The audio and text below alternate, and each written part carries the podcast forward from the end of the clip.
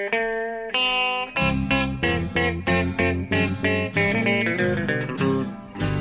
out there, we're on the air. It's hockey night tonight. Tension grows, the whistle blows, and the puck goes down the ice. The goalie jumps and the players bump, and the fans all go insane. Someone roars, Bobby scores at the good old hockey game. Oh, the good old hockey game is the best game you can name. Hallå, hallå, hallå, hallå, hallå, hallå, hallå. Yes, hallå, hallå och välkomna till eh, NHL-podcasten med mig Per Bjurman just nu i Washington och Jonathan Ekan, Onskan, Mowgli, Ekeliv, Bamse, eh, Brumbjörnen, eh, allt Ekeliv eh, Allt i Ekeliv. Stockholm. Ja, allt. Jonathan Allt Ekeliv. Det är, det är, I, det är mitt i, bästa smeknamn hittills måste jag säga. i, I Stockholm. Ja, Eh, och vi ska då spela in eh, avsnitt nummer 199. Det närmar sig verkligen ett tungt jubileum här får man säga. ja det, är alltså, det blir 200 nästa vecka. Vi har inte så mycket planerat inför dess. Det är ju, det är ju ett, eh, det är som du säger, det är ett jubileum. Så det måste ju vara ett lite speciellt avsnitt. Men, men vi kör på. Vi, vi kommer inte vänta ut finalen. Utan det är inte finalen avgjord nästa vecka. Då blir det ett vanligt... Nej, det, är Ja. vanligt. Det, blir, det blir avsnitt 200 så får vi se vad det, vad det innebär. Ja. Minst du 100? Det är inte jag. Ja, jo men det tror jag. Jag har för mig att, eh, att jag satt på en balkong i Kalifornien då med fågelkvitter i bakgrunden. Jaha, var det då det? Ja, det, jag tror att det var avsnitt 100 faktiskt. Ja.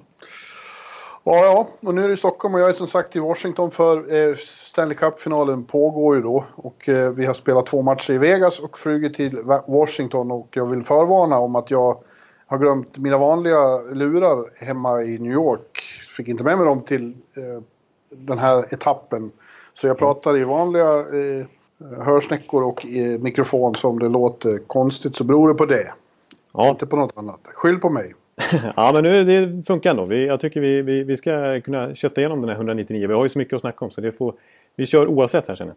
Ja, vi har ju väldigt mycket att snacka om. Eh, och, och då såklart i första hand om finalen som eh, har rullat igång med två matcher. Men vi har lite som vanligt lite annat att avhandla också innan vi ger oss i kast med den. Och, och alldeles nyss kom den här nyheten som gladde mig väldigt. Det var ju att då att Larry Brooks, eh, hockeyoraklet på New York Post och eh, något av en mentor för mig i NHL-bevakningen eh, har då fått eh, det här eh, Ferguson, vad det heter. Eh, Ja. Han blir invald i Hockey Hall of Fame.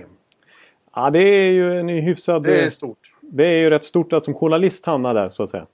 Då har man ju arbetat Ja, med den här, bra- i den här branschen ganska länge. Och eh, i synnerhet med just NHL extremt eh, följsamt. Och Ja, bra i han, har varit, han har varit med sedan 70-talet och eh, ja, det var en väldigt fin artikel i, i, i Post om det här. Den rekommenderar vi. Finns på nätet. Ja, det är väl inte, på min, i mitt Twitterflöde om det skulle vara så. Ja, just det. Och det, är, det är väl kanske inte alla som är lika lyriska som du som har haft honom som mentor. och sådär. Det är, jag menar, John Tortorella skruvade lite på sig när han läste den nyheten till exempel. Kan jag tänka mig. Det slutar, New Post-artikeln slutar med John Tortorella vill inte kommentera. Nej, han, han är en eh, man som berör eh, såväl Tortorella som eh, Brooks. Om man Ja. säger så.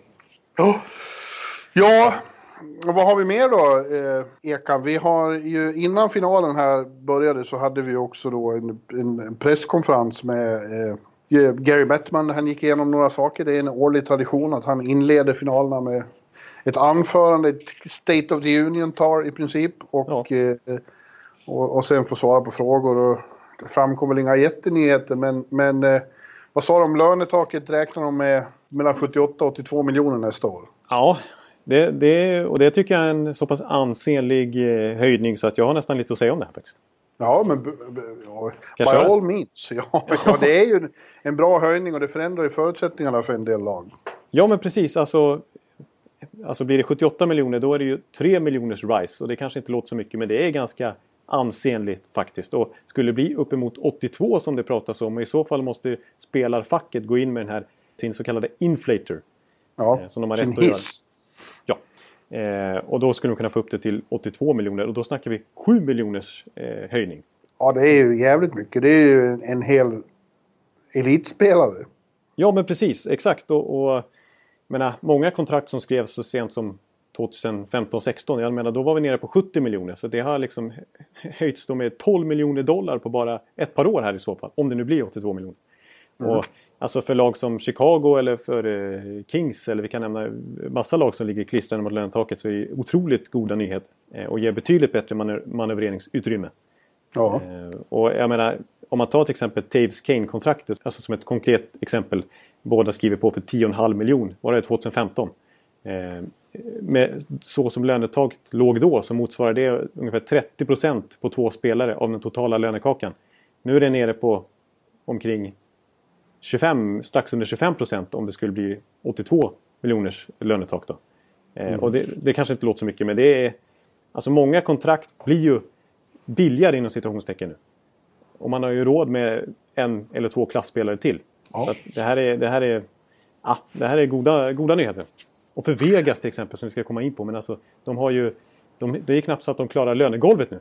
Så de har ju råd att signa upp William Karlsson rejält och Nate Smith och sina killar. Och ändå kanske återigen kunna gå efter en Erik Karlsson eller en John Tavares till och med. Mm. Alltså, ja. Det går ju mycket rykten om Erik här. Uh, uh, under. Vi är ju ett entourage som åker runt. Man pratar med journalister hela tiden. Ja. Och hör väldigt mycket om Erik och New York Rangers. Vill jag bara säga. Rangers? Det ett, ja, det är ett jävla hackande om att Erik kommer hamna på Manhattan. Oj, oj. Oj, oj, oj, säger oj, jag oj, också. Ja. ja, det skulle det, vara något. Det skulle vara något kan man, kan man ju säga. Ja, det är mycket, alltså Rangers, den här rebuilden, den kanske inte går till på samma sätt på Manhattan som det gör i andra städer. Alltså. Nej, skulle de ha chansen att signa Erik Karlsson så då gör de ju det. Ja, det kommer de göra. Så ja. funkar det ju där. Oavsett om Jeff Gorton har tagit över och försöker arbeta på ett annat sätt. Det är ju ändå Manhattan vi snackar om. Ja, och det är ändå Erik Karlsson vi snackar om. Ja, Erik Karlsson snackar om. Och vi pratar alltså... Jag menar, Rangers har ju verkligen skaffat sig löneutrymme nu. Ja. Eh, så, och jag tänker till exempel på ett Nashville som faktiskt... Eh, vad ligger de på? Typ 67 miljoner totalt nu och har ett ganska bra... Eh, ligger rätt bra till kontraktsmässigt. Jag menar, för man har ju så många bill, alltså inom citationstecken, alltså inte billiga är fel ord, men prisvärda kontrakt sett till vad man har för spelare. Typ en Filip Forsberg som sitter och tjänar 6 miljoner dollar per säsong i ytterligare fyra år. Medan Evander Kane nu skriver på för 7 miljoner gånger sju säsonger. Det är betydligt ja. dyrare till exempel. Och vi har ju, man kan ju... Filip skulle egentligen ha 2 miljoner till per säsong. Ja, precis. Och vi kan ju nämna Ekholm, Josie. Ja, må många i det här laget. Järnkrok. Järnkrok, eh, men alltså de... Visst, Ryan Ellis är väl en spelare som kommer upp här snart som ska ha betydligt dyrare kontrakt. Som också varit väldigt prisvärd fram till nu. Men eh, de skulle ju faktiskt trots allt kunna ha råd att gå till exempel efter Tavares alltså. Ja. Eh, här i sommar. För trots att de redan har en så bra trupp så kan de kanske ha råd med honom om det blir 82 miljoner. Eh, och ändå se ganska... Eh, ligga rätt bra till även på några års sikt i och med att de har så många långtidskontrakt. Så att, Ja, det öppnar upp väldigt eh, mycket möjligheter tycker jag den här sommaren om det skulle bli sån hög höjning. Ja, och det låter också som en väldigt bra för John Tavares eftersom du har nämnt flera lag som vill, ja. skulle vilja ha honom. Eh, att om han nu inte skriver på för Islanders igen då så, så blir det ju huggsexa om honom. Precis, och oj vad hans, han kommer kunna tjäna pengar om han vill. Ja. eh, han som i sin tur då har haft, legat långt under marknadsvärde under alla sina år i Islanders när han skrev på det här snälla kontraktet som han gjorde eh, från början där. Mm. Eh, så att, ja, det, den situationen tycker jag är superintressant. Ja. Det framkom väl också då att eh, det kanske redan i höst tas beslut om eh, ytterligare ett expansionslag då i Seattle och att det, att det blir 32 lag. Ja men precis. Eh, det var ju snack om att det skulle kanske bli klart nu redan om ett par veckor här direkt efter säsongen när de ska ha ett Board of Governors möte. Klubbägarna helt enkelt spika fast mm. och ge tillstånd till Seattle. Eh. Ja, men de väntat, han trodde att det skulle dröja till höst. De har inte all information de behöver än, men de har mycket. Och det börjar närma sig ett beslut. Och det låter ju som att de kommer att kliva in säsongen 2020 då. Hösten ja. 20. Precis, när deras eh, renoveringen av eh, arenan där står klar. Ja, eh. och eh, och de får betala 600 miljoner för att komma med. Eh, Vegas behövde bara få in 500 miljoner dollar alltså. Ja, det är sanslös summa. Jag tycker med till och med sett 650 miljoner dollar. Ja, det kanske ja. till och med var det. Ja. Och det, jag tyckte Bill Daley slog fast där också att eh, några grejer apropå förutsättningarna här. Att expansionsdraften kommer se ut likadant när, när Seattle kliver in. Så de kommer få samma mm. förutsättningar som Vegas. Eh, vilket ju varit lite snack kring eftersom det går så bra för Vegas. Men samtidigt var det ingen som trodde att det skulle gå så bra för Vegas. Så att, Nej. och samt, Nej, men det, när det är så kommer så tätt på måste man nästan ge dem samma förutsättningar. Om de ska betala samma pengar. Eller ännu mer. Precis, och det hette ju så här att nu måste ju... Eh, jag menar, vi vill inte ha ett, ett expansionslag igen som det går jättetrögt för i 7-8 år. Utan de ska vara någorlunda competitive direkt. Mm. Och det är klart, Vegas har ju verkligen överträffat det. Men det är klart att det ska vara hyfsade förutsättningar för ett expansionslag att kliva in om det ska kunna bli något där. Man ska kunna etablera en marknad. Eh, Så det är väl bara bra. Och däremot så, så är det så här nu, det slog ju Daily fast också, att, att Vegas kommer inte behöva släppa en spelare till Seattle. eh, I den här expansionen. Jaså, inte? Nej, det kommer inte behöva. De, däremot så får de inte del av de här 650 miljoner dollarna som fördelas till övriga klubbar. Så att de, de slipper, Ah, okej. slipper tappa en spelare men de får inga pengar i den här inträdesavgiften som Seattle måste betala. Ja, det, var ju, det var ju fyndigt gjort. Ja, Nej, de andra klubbarna tjänar på det här på, på ett sätt och, och förlorar på det på ett annat. exakt. Är hårdare konkurrens. ja, verkligen. Ja, och sen ska, det ju, vara- sen ska det ju vara 32 lag. Det ska inte vara 31. Det är Nej, ju för usch. ojämnt. Det går inte. Vi som är konservativa och gillar liksom, ordning och reda och har Ja, samma upplägg hela tiden. Vi vill ju ha, Ja. eh, vi vill inte ha 31 lag utan det ska vara 32 snyggt och jämnt. här. Ja, och det ska vara åtta lag i, i samtliga divisioner. Ja, precis. Så vill vi ha det. Har de, har de något namn än? Nej. Nej, Nej det är, i och med att de inte liksom, officiellt finns än så har de inte kunnat gå vidare än Nej. ordentligt. Däremot så var det ju ett enormt intresse när de skulle göra sin eh, sån här eh, season ticket drive. När, när folk skulle förpliktiga sig att köpa säsongskort. Ja. När de skulle kolla, in, kolla av intresset helt enkelt i marknaden. Och det sålde slut på, var det en timme eller någonting? Så hade de sålt över 10 000 biljetter om inte mer. Eller 10 000 biljetter, 10 000 säsongskort alltså. Så att, eh, Jag tycker, ju- jag tycker de ska heta Seattle Wonders efter Gunnar Nordströms böcker. ja, det tycker jag också. med, med Adam, vad heter han? Adam... Adam Wallgren. ja, precis. Eh, Så måste det ju bli. Så måste det bli. Och Lance Boxman och, och gänget där. Det är ju det är min barndom lite grann.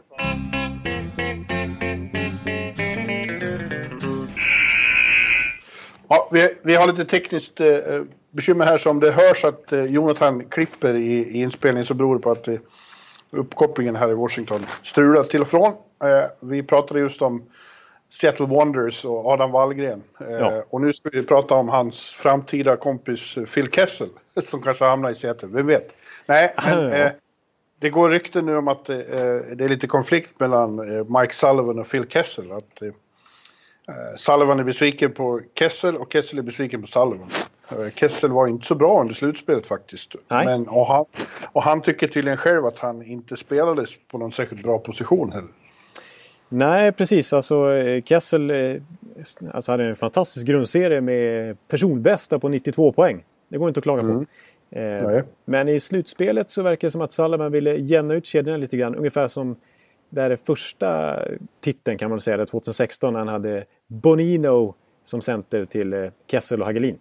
Och nu vill, han istället, nu vill han istället köra Brassard då, istället för Boni- Bonino och sen köra Malkin för sig och Crosby för sig. Eh, inte sätta Kessel. Brassard. Han gick in och Brassard? sa, Han, han gick in och tog Brassard. han sa det Phil Kessel, nu ska jag spela Brassard. Ja. Ja, nej men, nej, men eh, ja, det blev i alla fall så. Och det funkade ju inte speciellt bra. eh, Varken för Brassard Ard eller för Kessel. Eh, Båda två underpresterade ju ganska grovt och var ju en stor anledning till att det inte lossnade för Pittsburgh i det här slutspelet. Man fick ju bara ett mål från Kessels klubba till exempel. Eh, och Kessel i sin tur, som du säger, han surade lite över det. Han tyckte han skulle få spela med Malkin och att det hade gynnat både honom och laget. Om de Ja. hade fortsatt på det spåret som i grundserien. Eh, och visst, Men ska det behöva gå så långt så att han försvinner från laget? Ja, man, man tycker att det är en ganska lång väg att gå från liksom ett dåligt slutspel eh, från 92 poäng i grundserien till att behöva tradas nu. Helt plötsligt när det varit ganska positiva tongångar kring Kessel i Pittsburgh. Trots allt, alltså sen han kom från Toronto med två raka Stanley Cup-titlar fram till nu.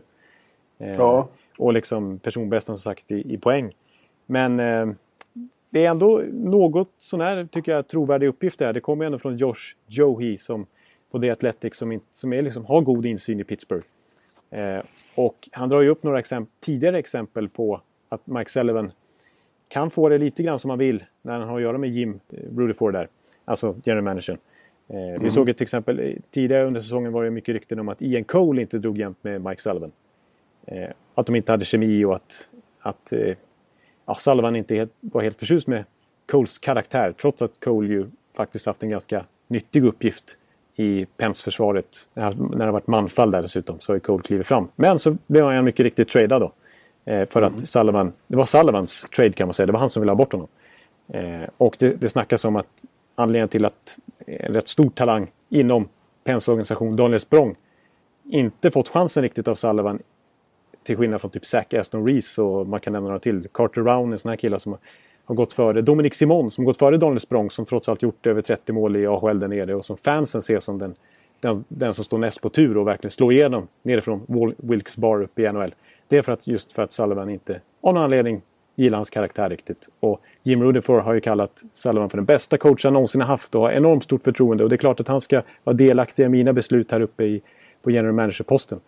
Så av den anledningen finns det kanske lite grund trots allt att kunna dra parallellen att oj, det kanske blir en trade här. Ja, det är många som skulle stå i kö och vilja ha Phil Kessel. Ja, alltså, visst han är 31 år men han sitter på ett... Vi pratar ju just om löne... Taket har gått upp så pass mycket och då är 6,8 miljoner kronor för eh, dollar. 6,8 miljoner dollar eh, per säsong för en spelare som just har gjort 92 poäng. Inte jättedumt att, att ha i sin trupp. Så att, jag tror inte Pittsburgh skulle tjäna på att träda bort den för de skulle inte... Jag tror de skulle tappa den bästa spelaren i traden. Eh, men ja, har det skurit sig med Sullivan så kanske det finns fog för de här ryktena åtminstone. Mot Kutjerov som inte levererar för Tampa. Nej! ja, vi kan bara nämna i Tampa att lite reaktion har det blivit på det här eh, misslyckandet. För det får vi kalla De skulle till final och vinna. Så att åka ut i konferensfinalen var ett misslyckande.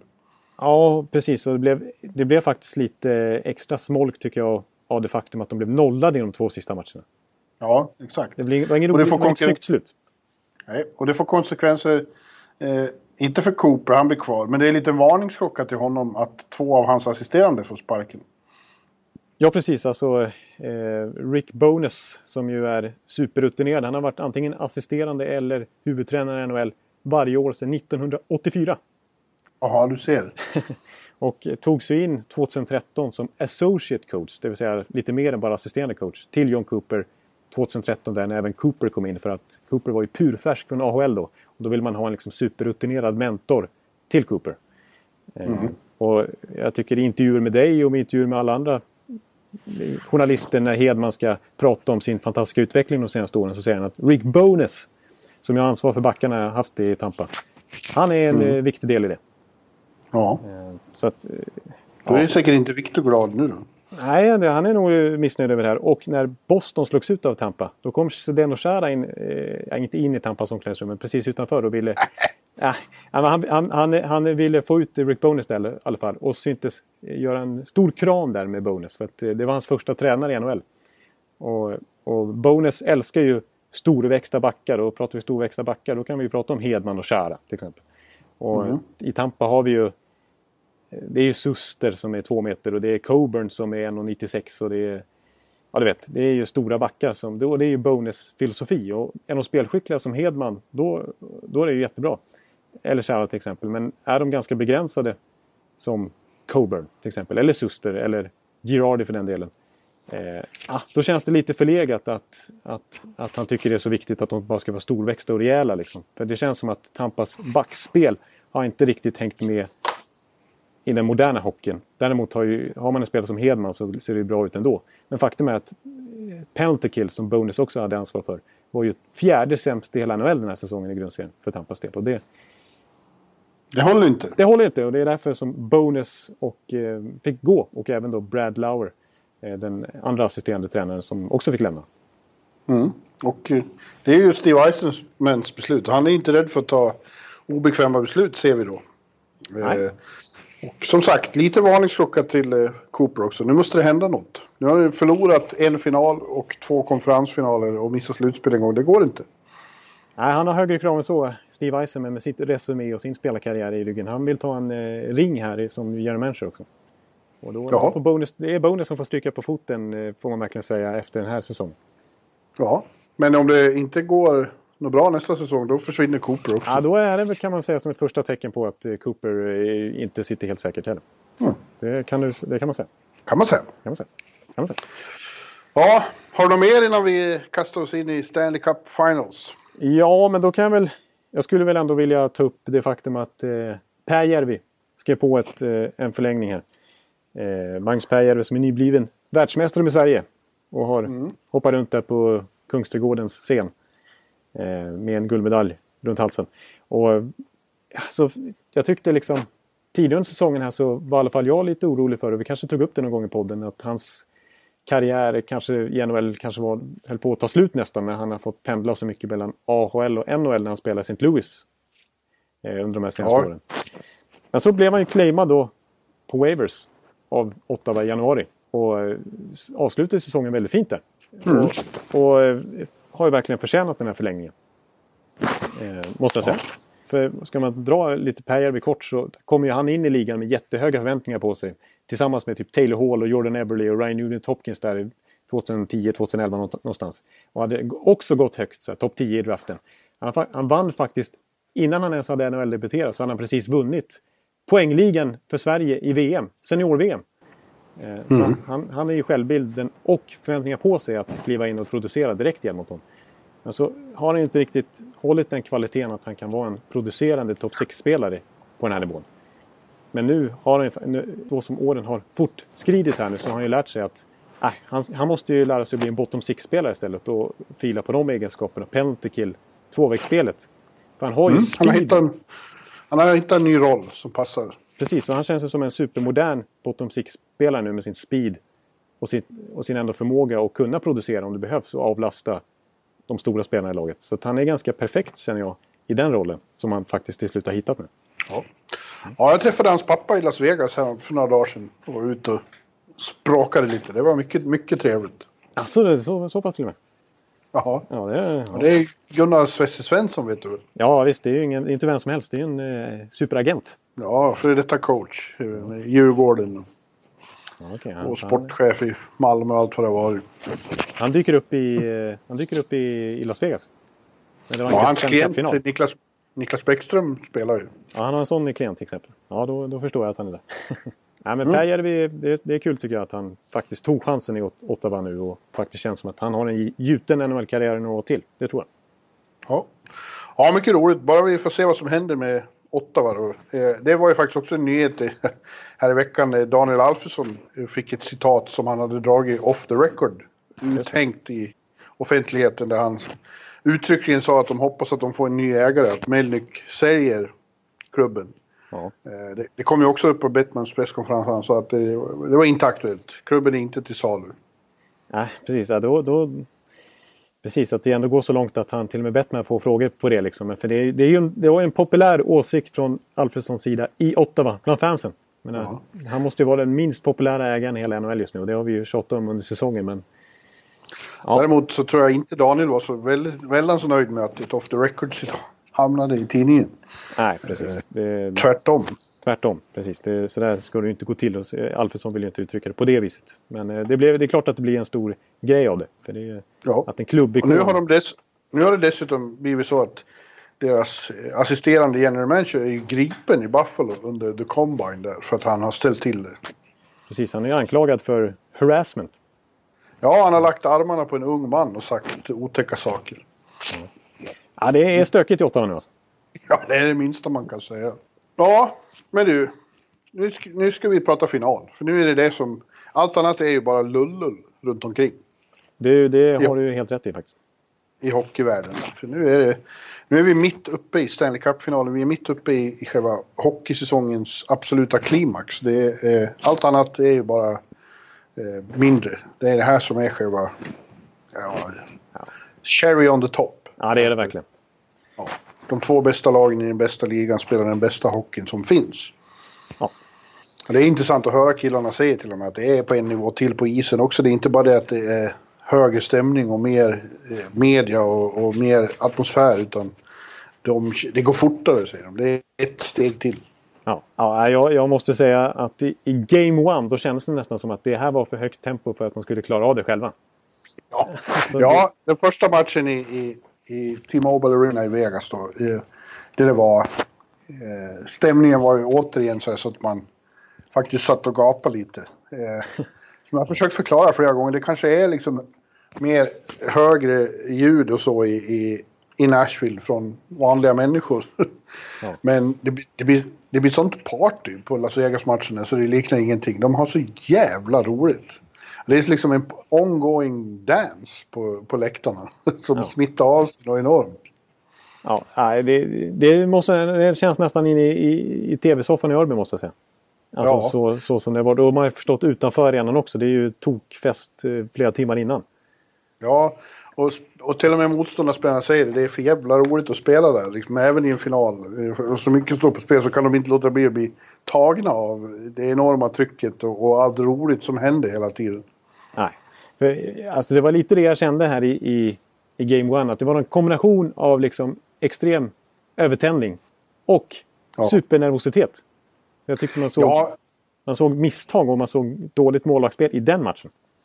Ja, första matchen var ju väldigt eh, speciell. Det var ju liksom vilda västern och rock'n'roll och salonslagsmål till match. Liksom. Ja. Det var, alla strukturer föll ihop.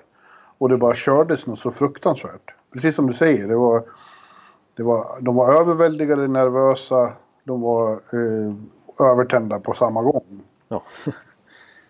eh, och eh, glömde bort att spela hockey på, på det sätt som har tagit dem hela vägen. Och det, blev mer, det var ju väldigt underhållande att titta på. Det var tio mål eh, och ett vansinnigt tempo och väldigt lite försvarsspel. Precis, det svängde ju något vansinnigt. De här lagen är ju duktiga på att försvara ledningar, har det visat sig. Ja. Men eh, där svängde det ju hela tiden. Det var ju fem eh, skiftningar i princip, med vilket lag som ledde.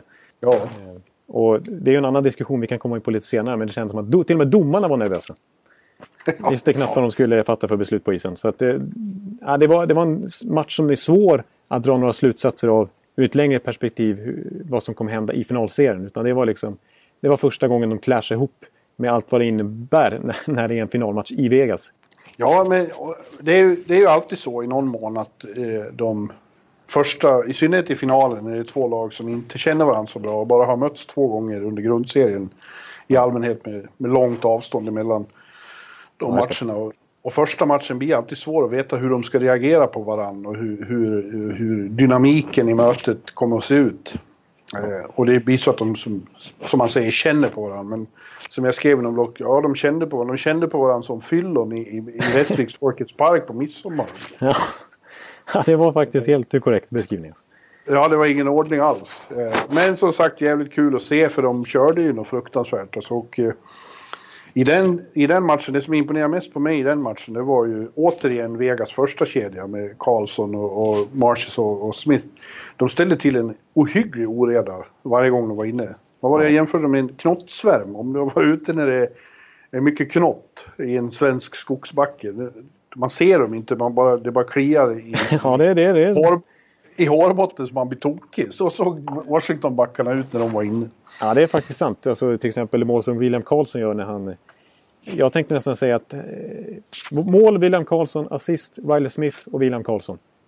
Ja, ja. Han, han, det var ju först han som liksom tog, gräver fram pucken och kör där och sen så spelar fram Smith och sen så skjuter han och så går den utanför bakom målet så helt plötsligt dyker William Karlsson upp igen och påpassligt lägger in den när ingen annan är beredd på det. Ja, de, de är lite av en svärm när de kör faktiskt. Ja, det är de. Och, eh, men, Medan, men jag måste bara säga, när du, sa, när du ändå sa att, att du var mest imponerad av Vegas första kedja, då hade du nästan kunnat sagt Vegas fjärde kedja. För de var ja, de som avgjorde matchen. Ja, jo det är ju också en av de här märkliga styrkorna med eh, deras breda bredd. det är märkligt på ett märkligt sätt, eller hur vi sa? Det är det är verkligen.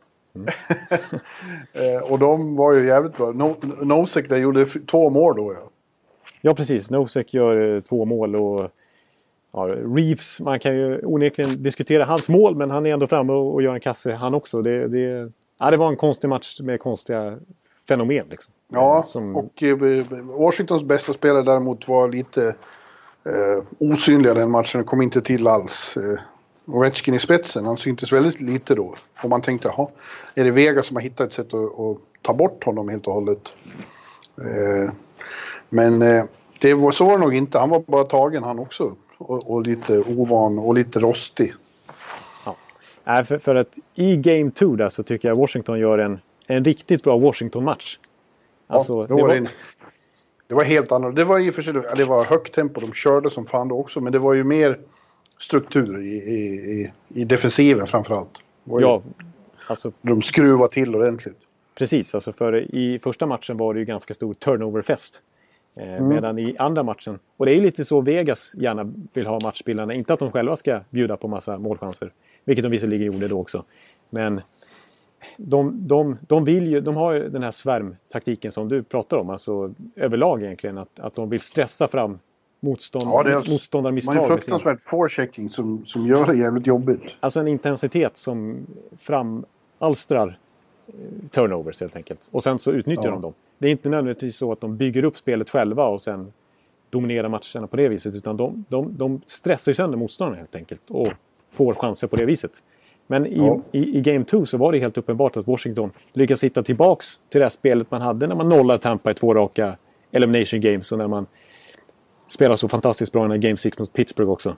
Eh, när man tajtar ihop defensiven. Och faktum är att de slutar, jag tror de bara noterades för fyra turnovers i Game 2, vilket är en sensationellt bra siffra.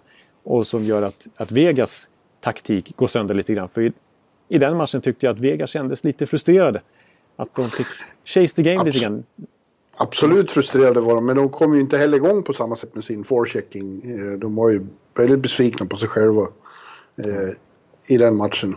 Eh, och de, de, de var inte lika mycket på hugget. Man såg inte eh, knottsvärmen lika mycket. Nej, Nej det är sant. Eh, och, eh, men jag, jag, tycker det är så intressant med den här finalen. Ett lag, en bra match, då har de allt momentum i omvärldens ögon.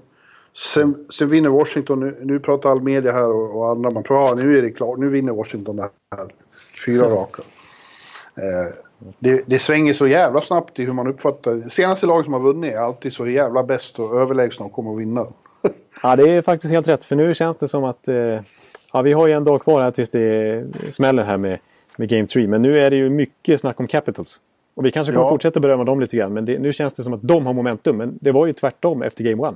Då var det ju Vegas. Ja, då var det, då var det de som sa att Vegas kan komma och svepa Washington. Precis, de ska slå, de ska det... slå det här Edmonton-rekordet och bli, eller liksom, åtminstone tangera det och, och, och, och, ta minst, minst antal förluster fram till Stanley Cup-triumfen. Liksom. Ja, och, och, nu då så ska då eh, Washington vinna fyra raka, eller vad, tre till då. Eh, ja, jag tror att det blir en lång serie. Jag bara, I'm just saying.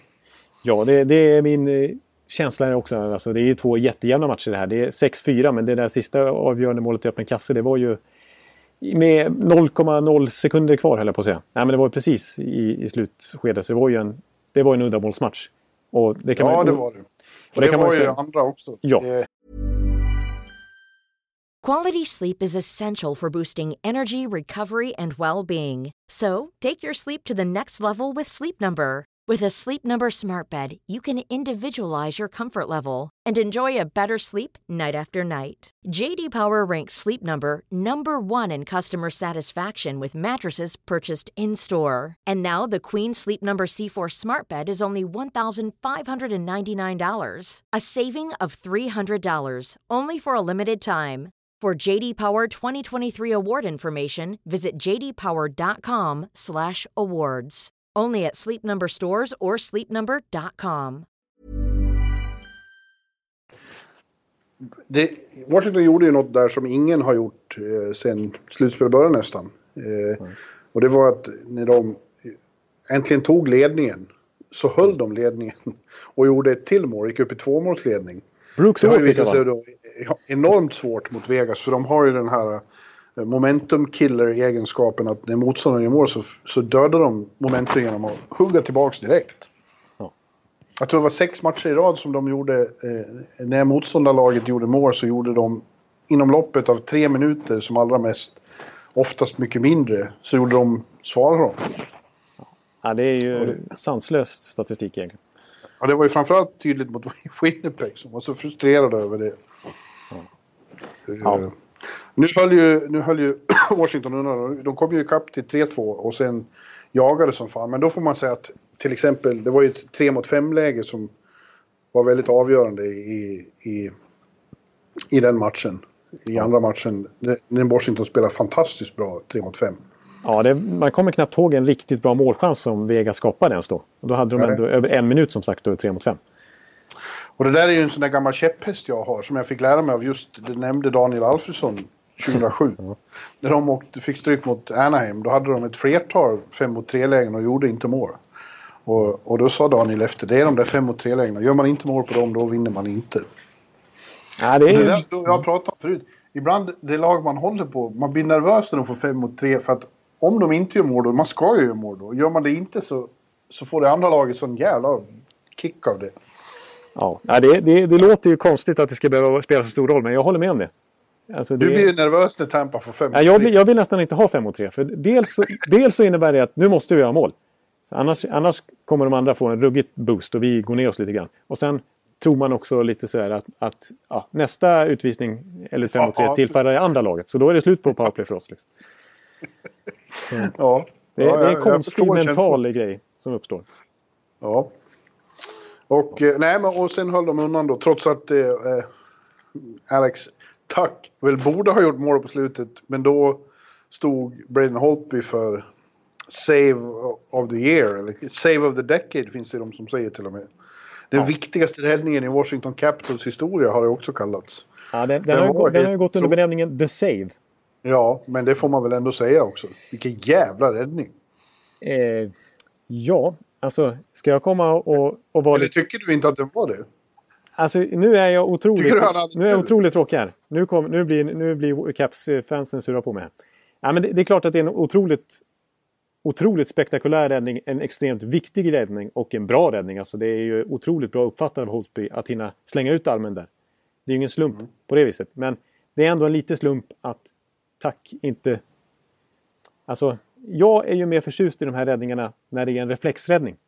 Alltså när man ser till exempel på en, på en styrning. Ja, men det är det ju delvis här. Ja, men jag, tycker, jag tycker att det mer handlar... Den där typen av räddningar som man ser ibland ändå. Det tycker Jag jag, menar mer, att den bara är desperat. det är en desperat och så skjuter, får inte tacka upp pucken och då går den på Holtby. Eller på på. Han, han, det är precis att han hinner få ut armen.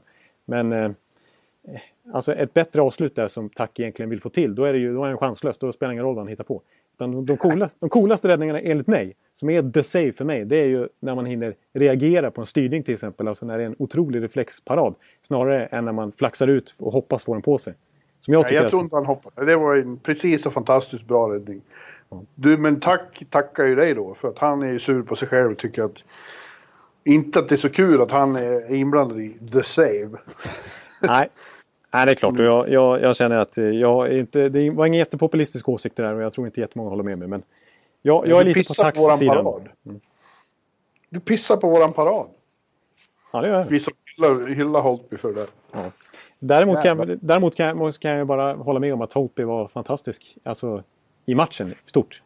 Det är klart Ja. att... att, att eh, jag tyckte det här var Washingtons match, men det är klart att, att Holtby faktiskt har överglänst Fleury i de här två första matcherna. I alla fall den Ja, andra. för, för jag har inte varit på samma nivå som i de tidigare matcherna. Det har ju delvis att göra med att han inte haft samma hjälp heller. Eh, Framförallt i första matchen då. Eh, Nej. Men nej, det har inte, han har inte räddat och stulit matcher som han gjorde eh, mot, eh, mot Winnipeg. Nej, precis. Och han har blivit lite för överspelad. Alltså till exempel när Eller gör sitt mål. Totalt öppen kasse där och när Ovechkin... Det är inte bara hans fel. Nej, nej, det är klart. Nej, precis. Det Det, är hårt att kalla det honom, men, men ändå. Han, han har sett lite för... eh, han är inte riktigt i balans, tycker jag. Men det är hårt att, att skylla på honom också. Men, men man kan i alla fall konstatera att, att Holtby har varit superbra. Jag, jag vet vad det beror på. För José Theodore, Ja. också känd som José Three or More, eh, är ackrediterad för någon och springer och pratar med Flower hela tiden. Är det så? Och han ser ut som en jävla strandraggare när han kommer gående. Så det är hans fel det här. Det är han som håller på och stör Fleury här. Ja. Ja, Han, är ja, det- gammal, han har ju stått i Washington, visst har han? Ja, det har Ja, han. det har han gjort. Så nu är han där och, och, och förstör för Flower. Han som har stått i Djurgården till och med. Ja. Du kan. Ja. Ja, Djurgården. Ja, du, är, ju- du försöker påstå att du är brynäsare. Du är djurgårdare egentligen. Nej. Ja, det är han. Djurgården. Djurgården. Ja, men när vi, ändå, när vi ändå nämner Eller så vill jag ta upp han också. Alltså, Det vill jag också. men du, du Ja, får ju- köra lite grann. Om Eller. Jag pratade lite med honom. Han, eh, det är ju en trevlig dansk Påg. Och eh, så vitt jag förstår, det slog mig häromdagen bara, om Washington vinner så är väl han första dansken i historien som vinner Stanley Cup. Ja, det är han nog faktiskt. Alltså, jag kommer inte på någon dansk. Jag trodde först att han var den första dansken som hade gjort mål i en Stanley Cup-final också, men nej. Jannik Hansen gjorde, eh, när, när Vancouver fick stryk med 8-1 så var det han som gjorde tröstmålet. Ja, just det. Det, det får man inte missa. Nej, fick kolla upp det. Men annars, eh, jag tror, det kan inte vara någon annan dansk som har vunnit. Nej, det, det tror jag faktiskt inte. Det, Nej. det så är det, då får Stanley Cup-bucklan komma till Köpenhamn. Köpenhamn. Ja, för första gången. För första gången. Jag, jag har ju varit, där i, i. Han kommer ju från, från eh, Rödovre där de har alltså... Eh, en, en, en, som har producerat massor med talanger och, och där de, eh, alltså i arenan så är det ju alltså öltapp, öltappare, eller vad säger man? Eh, Alltså barer ute placerade på läktaren så att man behöver inte ens gå ut Ja. i korridoren utan det är bara att resa sig upp från sin plats och, och liksom tappa upp lite bärs. Så Ja, funkar det i Rödov. Och det kostar ingenting. Inte ens en och en halv tuve. Nej, du bara ägg fri. Två och halv fjärs. Ja, nej, men han, är- nej, han, han, är, men han är trevlig som du sa också. Han, kan ju, han Ja, pratar ju svenska som att han var en göteborgare. Ja, men han är också en väldigt bra hockeyspelare och, och det intressanta med honom nu är ju då att när, när Beckis skadades och försvann i fyra matcher så steppade han upp som man säger. Och, och du kallar honom, plötsligt fick han först att han var Patrice Bergeron. Men han tog ju ett enormt ansvar då och, och visade sig duga absolut utmärkt som topp 2-center. Och i den här matchen, Game, game 2 då, så fick han ju samma roll i och med att Kuznetsov försvann i första perioden. Eh, och de fick kasta om snabbt där, upp med Beckis i första linan och Eller in där. Och han var ju kanske matchens kung. Han var inblandad i alla tre målen och han spelade fantastiskt bra. Precis, han hade ju ett mål och två första assist. så Han var ju direkt avgörande kan Ja. man säga. Och Ja. var ju i allmänhet kanske den mest framträdande spelaren överhuvudtaget tycker jag bland utespelarna på isen. Men är inte det där väldigt intressant och vilken tillgång att ha när ens första center försvinner? Att man har en som kommer underifrån och, och, och är lika bra. Ja, precis. För det känns ju som att det ska vara ett jättetapp här nu. När, dels när Bäckström gick sönder. Vi sa ju inför den serien att ja, det blir ändå tufft för Washington att slå ut eh, Tampa om och Bäckström inte kommer tillbaks. Ja. Och lite grann känner man ju nu att ska Capitals gå och vinna Stanley Cup utan Kuznetsov? Det blir svårt. Men samtidigt så nu, nu snackas det om att Kuznetsov faktiskt ska vara tillbaka redan här. Ja, jag har varit på träning i morse och eh, han var ju med på isen och, och, och höll i klubba och sköt och stod i som vanligt. Vi fick inte prata med honom efteråt eftersom han inte är clearad som det heter. Men eh, vi känner, jag är övertygad om att han spelar redan nästa match. Han såg så pass eh, bra Ja, ut. absolut. Ja. Nej, Men eh, för kollar man på, alltså Kuznetsov är inte vem som helst heller om man säger så. Det, han leder poängligan just nu. Och han är, han är liksom etta, inte bara i toppen utan etta av massa så attraktiva underliggande statistikkategorier som att ta, in pucken i offensiv zon med kontroll, puckinnehav, alltså individuellt puckinnehav i offensiv zon, att eh, passningar in i slott, lyckade passningar in i slottet till exempel. Där är Kuznetsov etta, etta, etta liksom i det här slutspelet. Han har varit fantastiskt bra. Men faktum är att Lars Eller, han är liksom så här trea, sexa, sjua i de där kategorierna. Han är jättehögt upp han också. Och sett i sin speltid, eftersom att han generellt sett har spelat som tredje center, så är han alltså, ligger han nästan i nivå med Kuznetsov. Så att det är ju en bra spelare. Eller. Och han har verkligen Ja. tagit för sig när han har fått utökat förtroende också. Och det, det, det är lite fint där för, för Brian McLellan, general managern, som ju in, alltså, inför den här säsongen skrev ett kontrakt. Eh, förlängde Ellers kontrakt, skrev femårsavtal med en eh, capita på 3,5 miljoner. Vilket ju var lite ifrågasatt ändå med tanke på att de slog i lönetaket här nu och var tvungna att göra sig av med alla de här spelarna vi varit inne på. Men att de prioriterade Lasse Eller som tredje center när de redan har två bra centrar. Men nu har det Ja. visat sig att det var kanske var en ganska bra investering ändå. Det var ett väldigt bra beslut skulle jag säga. Ja. Man har ju sett på LA lite, måste jag erkänna, som en sån här, ja, just en tredje kedja, en bra hockeyspelare men inget märkvärdigt liksom. Eh, En så här, nästan axelryckning för att man är så bortskämd med NHL-spelare. Eh, Ja. Men han har ju mer än vad jag har förstått i alla fall. Och ett Montreal som verkligen lider brist på centra, de, de, de offrar honom lite grann. För att de, Ja. de ansåg ju kanske inte riktigt att, att han hade det som krävdes för att liksom, ha en topp 6-roll där. Let's not go there. Vi måste också nämna, som du, du nämnde det i förbifarten medan jag var inne i någon utläggning. Ja. Att Brooks Orpik ju faktiskt gjorde mål. Det var ju lite humor för han har inte gjort mål överhuvudtaget inte gjort mål sedan eh, februari 2016 var det och, och i slutspel inte på fem år. Nej precis, ja, det var ju så totalt osannolikt att, att han kliver fram och gör en kastade. Ja, och inte bara viktigt. Det var ju matchavgörande mål. Ja, det blev ju game winning goal. Var inte det ja. finländare på läktaren där som, eh, på pressläktaren som jublade över det? Ja, vi har ju ett uh, game, uh, game winning goal lotteri, en pool, där man lägger i 20 dollar då, och drar bara ur mössa ett namn. Och uh, när min vän Tommy från Yle ja. uh, drog Brooks Orpik så suckade han och det var ju så jävla typiskt. Jag behöver vinna pengar. och det slutade med att han fick 720 dollar. Det var inte dåligt. Nej, det var inte dåligt när man är i Vegas dessutom. Nej. På den, den kassan. Och han hade en lite rolig tweet där innan matchen såg jag också när han skrev att att Orpik, han hade kollat upp det, att Orpik av alla spelare eller något där idag aktiva spelare som har spelat över 900 matcher i NHL, eller hur det nu var, eh, deras totala målskörd så är, så är Brooks Orpik tog sist av de som har kommit upp i över 900 matcher. Så det, det, var så otroligt osannolikt att han skulle göra game winning goal. Ja, men det gäller att spara sitt krut till de viktigaste ögonblicken. Ja, det ser jag. Jag tycker han har varit, han har varit bra i det här slutspelet, eh, den något bespottade Orpik. Ja, Generellt och det är, är det någon som är älskad av sina lagkamrater så är det han. Ja. Eh, de var ju extremt glada när han gjorde mål. Ja. Eh, Ovechkin skrek något på ryska som tydligen betyder farfar. Oj! och är, och är en hedersbetygelse åt äldre som gör bra saker. Ja, du ser. Ja, nej men han är... Ja, jag gillar, jag gillar, apropå Ovechkin där så, så gillar jag verkligen hans kroppsspråk här i slutspelet också. Han, han, han är känd för att JVM-jubla när han själv gör mål. Liksom. Mm. Men, åh, jag ska inte säga att han inte gjort det här som jag säger nu tidigare heller. Men jag tycker det så jättetydligt i det här slutspelet hur han lever sig in i matcherna. Och hur han tokjublar när medspelare i mål. Han, han JVM-jublar ju även när, när liksom, ja. vem som helst gör mål i laget. Eh, och du såg väl i Tampa höll han på att välta hela, hela båset. Han tryckte ut dem i ett hörn allihop. Ja, alltså han är ju... Och, och, när Holtby gör the save så ser vi ju han... Ja. Han, håller på att försvinna för att han är så nervös och för att han inte kan hålla känslorna inom sig. Liksom. Så det, det, är kul att se Ovechkin hur mycket han vill det här. Alltså. Ja, det enda jag tyckte var synd med det var att jag hade gärna sett övertid. Jag, jag vill se övertid i den här finalen. Långa övertidsdraman. Vi har inte fått något i inte ett enda i konferensfinalen och inte nu heller. Ja, det, där, det där är nästan lite kränkt då. Det, det, Nej, där... kränkt är inte. Jag, jag tycker det skulle vara kul. Hur fan skulle jag kunna vara kränkt? Ja, men... ja, men jag vill att det ska fortsätta. Det är så roligt nu så jag vill inte att det här ska ta slut.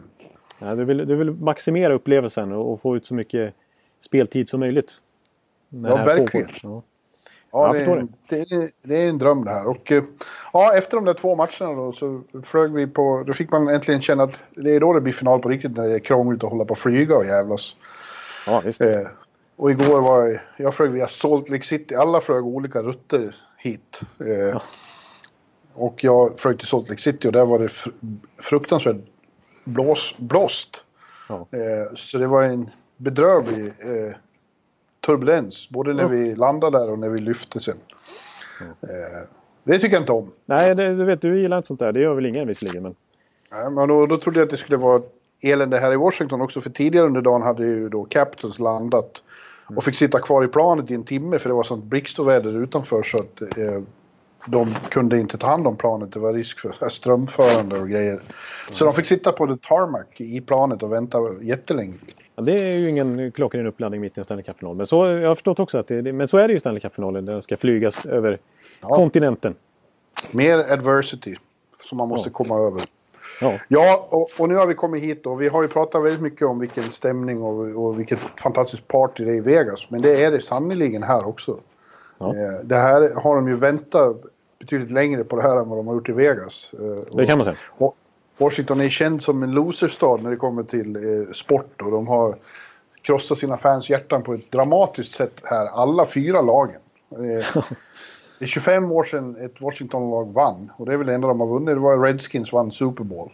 Ja. Sen har både baseballlaget och hockeylaget och framförallt eh, åkt ur på så här spektakulära sätt som de har gjort när de har haft allt. Och de har det har varit ett stort löfte för stan och så har det bara blivit pannkaka av alltihop. Ja. Men nu då när, när Washington eh, äntligen är i final, sina andra då. De var ju ja, var 98. 98 mm. och då blev de ju svepta. Just det. tvärstopp. Så att eh, matchen de vann i, i, i förrgår i Vegas, det är deras första finalvinst i klubbens historia.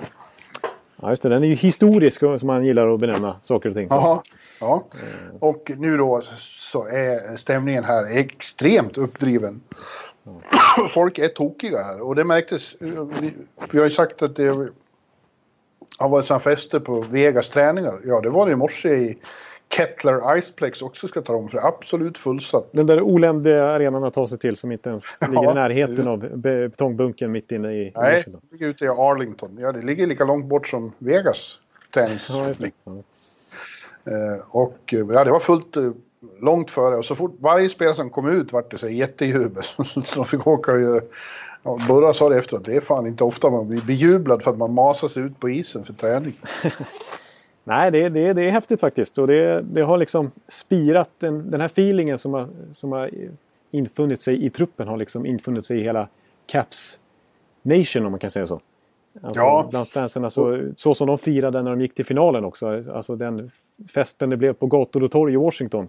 eh, Som blev helt rött av Ja. eh, Caps-fans. Liksom. Och det känner man att det kommer att bli där runt. För att efteråt då så tog, krånglade vi oss till eh, Capital One Arena då med buss för att gå på Vegas träning också. De tränar på olika håll. Det är alltid krångligt. Och så är det i den här finalen. Eh, och då såg man hur de höll på att bygga upp. Allting är avstängt för trafik runt, runt arenan. De håller på att bygga upp scener och grejer. Och, och det är verkligen så förväntan i luften. Eh, och eh, Sting av alla jävlar skulle spela där höll jag på att säga. Ja, du som gammal musikrecensent verkar inte ha, hysa eh, större... Nej, ja, jag ber om ursäkt för det starka uttrycket. Men han och Shaggy ska göra ett gemensamt framträdande och snacka om udda par. Ja, det känns ju som en speciell duo. Det är inte det mest Ja. väntade om man skulle ha fått tippa. Nej, men imorgon kväll spelar de. Och så är det ju lördag kväll imorgon. Ja, alltså det kommer att bli, det kommer att bli, tror jag, en historisk vansinnig kväll inne i denna betongbunker som tidigare under slutspel har det varit sånt liv inne där så att, så att jag och Henrik Ek, min gamla sidekick i, i bloggen, vi hade kul att en gång, vi satt ju precis bredvid varandra och pratade och såg bara munnarna röra sig. Vi hörde ingenting. Ja, då är det decibel på hög nivå kan man säga. Ja. Ja, nej, men det är, det är ju... Det har jag förstått att den här, eh, alltså de här pregame-showerna som har blivit, som det har blivit buzz kring i hela idrotts-USA.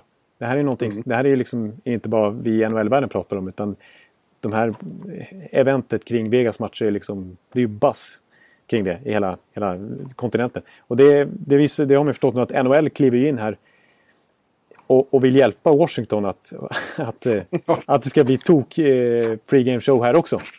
Ja. Eh, Det har ju sipprat ut här till exempel att eh, det var väl Michael Buffer som hade som var ute och körde sin. Let's Get Ready to Rumble så här, på äkta Ja. Vegas-manér i, i starting lineups i, i full. Ja, han läste ju upp dem som att de var boxare. Ja, så här liksom eh, in, eh, Alex Ovechkin with uh, 13 seasons in the NHL. Typ. Ja. Ja.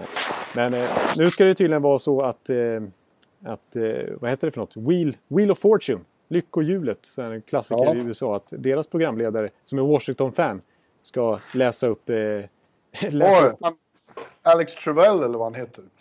Eh, ja, Nej, nej det är ju Jeopardy ja, du, jag, jag kollar inte tillräckligt mycket på, på amerikansk underhållnings-tv för att sätta namnet på den här killen. Men, eh, vi ska se.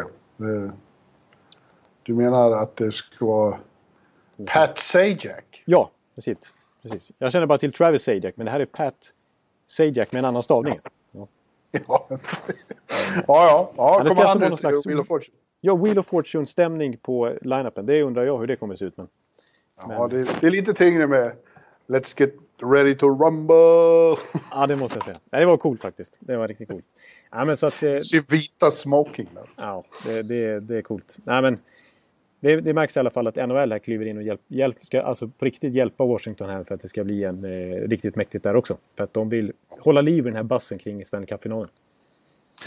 Ja, ja, vi får se hur det går då. För ja, som sagt, du tror de flesta att Washington har allt momentum inför de här. Men vi har ju sett tidigare slutspel att borta har ju varit en fördel för många lag och inte minst för Vegas. De har ju vunnit allt på bortaplan. Ja, de har ju de har en förlust mot San Jose och de har en förlust i första matchen mot Winnipeg. Annars Ja. har de ju vunnit rubbet. Medan Washington har ju förlorat majoriteten av sina hemmamatcher hittills i slutspelet. Ja.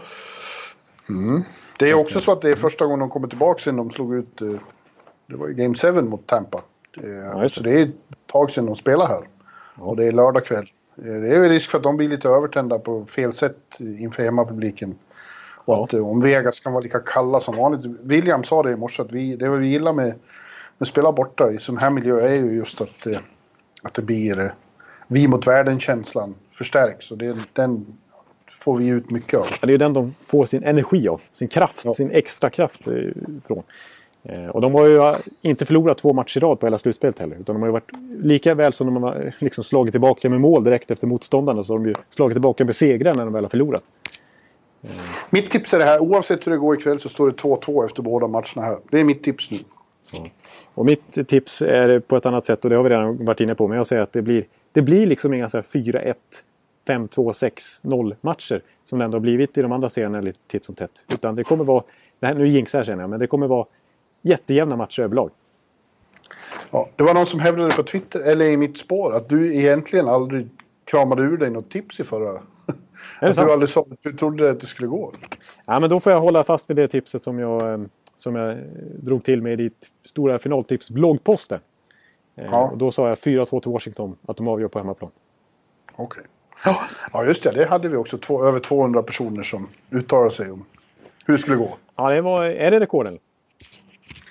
Ja, det är uppe där i alla fall. Det är uppe där, eh, topp tre. Ja, det kom ju några eftersläntare också, så det är väl 210-211 nu. Glenn Strömberg dök upp. Och så kom Henrik Lundqvist tillbaka och frågade, svarade jag någonsin på det där? Och det hade han ju gjort. Ja, han har gjort. Ja.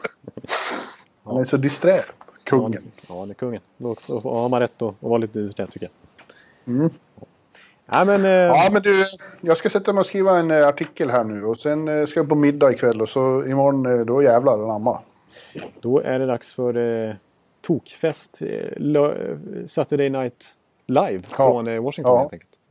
Kan vi inte få övertid då, Jonathan? Ja. ja, men det tycker jag vi kan eh, jobba in. Det tycker jag är dags för. Ja. Ja, Vi slår fast det. och så två Vi beställer det. I, först i andra övertidsperioden, 17-23 in i för, andra övertidsperioden avgör antingen Burakovsky eh, eller eh, Nate Schmidt. Ja. ja, det är NHL-poddens tips i alla fall. Ja, ja. Så att, eh, ja. Nej, men, Men eh, eh, nu laddar vi upp för eh, jubileumsavsnittet 200 nästa vecka då. ja, Tryck det, upp t-shirts. det, Se åt, se åt Carlgren och Larsson där hemma, cheferna, att de ska trycka upp t-shirts. ja, det, måste ju, det måste ju bli spektakulärt. Hur, hur vi än blir det. det är en vecka har vi på oss att ladda upp. Då är det avsnitt 200 i alla fall. Och vi tackar för oss den här gången. Det gör vi. Hej hej! Hej! Hallå, hallå, hallå. Hallå, hallå, hallå. Alex Chiazot, Joe Luis Arena och Esposito. Esposito. Uttalsproblem, men vi tjötar ändå. Och alla kan vara lugna, inspelningsknappen är på. Bjuder Hanna Kohl, han är grym i sin roll. Från Kållesoffan har han fullständig kontroll på det som händer och sker. Det blir ju allt fler som rattar Arenas blogg. Gå och lyssna på hans podd. One, two, three, speed, so Hallå, hallå, hallå. One, two, three, speed, so Hallå, hallå, hallå. Ekeliv, som är ung och har driv.